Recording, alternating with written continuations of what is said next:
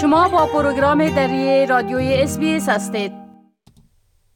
شنونده های عزیز حال جاوید روستاپور خبرنگار ما در افغانستان درباره تازه ترین رویدادها در او کشور معلومات میتن آقای روستاپور سلام عرض می کنم خب اولتر از همه گفته میشه که مقامات طالبا فرمان تمویل مدرسه های جهادی را تایید کرده میشه که اولتر از همه در ای باره یک مقدار معلومات بتین؟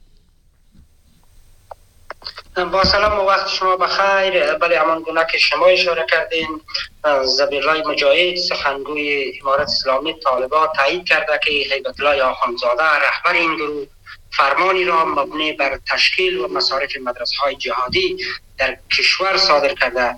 به گفته آقای مجاهد این تصمیم به منظور تکمیل آموزش های دینی و پشتیبانی از اعضای طالبان که در جریان جنگ ها از آموزش و تحصیل باز ماندن روی دست گرفته شده. چندی پیش در روزهای گذشته فرمان منصوب به عیبت الله آخانزاده در رسانه های محلی و همچنان شبکه های اجتماعی پخش شد که در آن درباره تشکیل و مصارف مدرسه های جهادی در افغانستان هدایت داده شده بود. به اساس این فرمان هر مدرسه جهادی باید دست کم 16 نفر تشکیل داشته باشد که شامل مسئول هر مدرسه آموزگار معلم و کارمندان خدماتی را در بر می‌گیرد. در بخش از این فرمان آمده بود که هر مدرسه یک سه شیخ الحدیث با معاش ماهانه 25 هزار افغانی سه شیخ الوقف علی با معاش 20 هزار افغانی سه تن به ایمان استاد فنون که معاش شاند یقل 15 هزار افغانی یک تن به ایمان دارالحفاظ که معاشش 20 هزار افغانی باشد استخدام میشه. بر صورت این فرمان به همین ترتیب با پرسونلش با معاش سلسله تا 5000 افغانی می‌رسید. ولی این فرمان کماکان بازم در شبکه اجتماعی و در میان مردم یک سری واکنش را برانگیخت که اکثر معلمین در ولایات و مناطق دوردست افغانستان معاش ندارند. مصارف معارف پرداخته نمیشه و ولی طالبان چسبیدن به اینکه باید مدارس دینی ایجاد شد و این مدارس بر صورت میشه بودجه برشان اختصاص داده شود. بله. خب همچنان گزارش ها میگه که مقامات طالبا از ای بیان حکومت بریتانیا که از هیچ مخالف در افغانستان حمایت نمی‌کنه استقبال کردن. بله؟ دقیقا وزارت خارجه طالبا با استقبال از موقف تازه بریتانیا که او گفته بود در افغانستان از هیچ مخالف مسئله حمایت نمی‌کنه استقبال کرده و تاکید کرده که این اظهارات واقعیت را در افغانستان ملا می‌سازه این واقعی که صلح و ثبات را در افغانستان به گفته طالبان تامین می‌کنه و نوع تعامل مثبت به گفته وزارت خارجه طالبان با امارات اسلامی طالبان را نشان میده و این موقف گیری به نفع منطقه و جهان به گفته طالبان می باشد. در بیانیه یا اعلامیه ای که وزارت خارجه طالبا نشر کردن گفتن که اظهارات دیپلمات بریتانیایی نشان میده که اونا به این درک رسیدن که طالبا, طالبا و امارات اسلامی می‌توانند صلح و ثبات در افغانستان به وجود بیارن و به همین ترتیب تعاملی با جهان داشته باشند و این تعامل طالبا با جهان می‌تواند که چون افغانستان به گفته طالبا برای دنیا برای منطقه مهم است.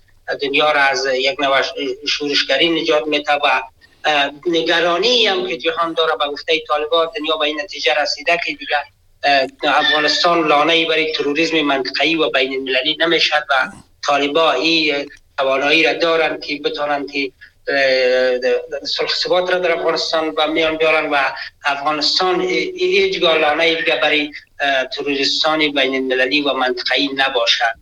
همچنان طالبان تاکیدشان این بوده که در بخش اعلامیهشان تاکیدشان این بود که باید گروه های کماکان در افغانستان فعالیت مسلحانه دارند بدانند که دیگه هیچ کس از وای حمایت نمی کند و اونا به امارت اسلامی تسلیم شد و بیان صلح در افغانستان به معنای واقعی که برای مردم افغانستان به وجود بیارن تا مردم در در رفاه و صلح و آسایش زندگی کنند اما از طرفی هم این فرمان با, با این اظهارات طالبا با واکنش هایی هم مواجه شد. برخی از آگاهان گفتن که اما کنون که دنیا طالبا را به رسمیت نمی‌شناسد طالبا منزوی هستند خواستای دنیا خواستای مردم افغانستان را در نظر نمی‌گیرند که آزادی زنان است حق تحصیل زنان است و حکومت فراگیر سیار اگر تشکیل ندن تشکیل ندهند و به یا تعامل نکنند. هیچگاه مردم اینا در حقیقت با مردم افغانستان یک نوع از گردن و یک کسی در صفحه فیسبوکش به نام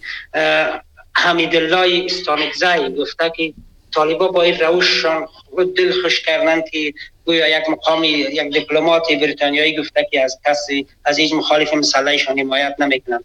اما واقعیت مسئله به گفته کاربردی به گفته فعال شبکه اجتماعی است که نه تنها دنیا که مردم افغانستان با طالب همکنون در جنگ و نبرد هستند ولی این خاموشی که ظاهرا وجود دارد از ناگزیری است. اگر طالبا با این روش پیش بیاد هر فردی افغان در برابر آزادی ایستاد خواهد شد. بله. خب گفته میشه که دستگیری یک خبرنگار در هلمند از جانب طالبا سر و صداهایی را ایجاد کرده. بله. دقیقا منابع محلی در هلمند گفتن که این خبرنگار از طرف رئیس اطلاعات فرهنگ ولایت ننگرهار هلمند باز زندانی شده. به گفته منابع که حافظ راشد رئیس اطلاعات فرهنگ طالبان در هلمند زوان تکل خبرنگار تلویزیون هیلای را پس از چاشت روز دوشنبه سی جوزا بازداشت کرده. روزنامه صبح کابل به نقل از این منبع در وبسایت خود نوشته که این خبرنگار برای دیدن یک زندانی به زندان هلمند رفته بود اما به هدایت رئیس اطلاعات فرهنگ ولایت بازداشت شده. و گفته این منبع انگام بازداشت از کیسه خبرنگار مقدار یک گرام چرس به دست آمده که این مسئله ظاهرا جالب است. اما گفتن که این چه خبرنگار از این چرس استفاده نمی کرده ولی ظاهرا معلوم می شده که این چرس را برای کسی که در زندان بود از بستگان این بوده با اون نیست کنند اما در همین حال این منابع تاکید کردن که شماری از مقامای محلی طالبان در هلمند زندان های شخصی دارن از جمله همین رئیس اطلاعات فرهنگشان این خبرنگار محلی را بازداشت کرده و بیشتر از دعاتن در زندان های شخصی رئیس اطلاعات فرهنگ کماندان امنیه معاون مالی یا هستند و تعدادی از این افراد مورد ضرب شتم و شکنجه هم قرار می‌گیرن. تا و گفته برخ منابع یکی دو تا از این افراد هم به سر ضرب شتم طالبا جان باختن. ولی طالب منابع دقیق این دونشاییات را تایید نکرده. اس پی اس داری هم نمی‌توند که این را تایید کند که آیا واقعا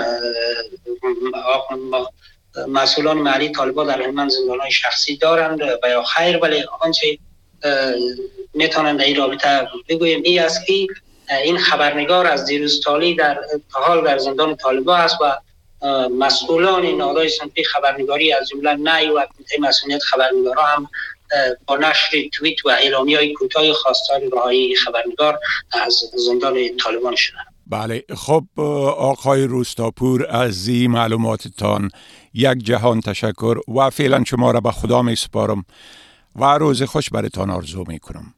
وقت شما هم خوش خدا نگهدارتان. بپسندید شریک سازید و نظر دهید. اسپیس دری را در فیسبوک تعقیب کنید.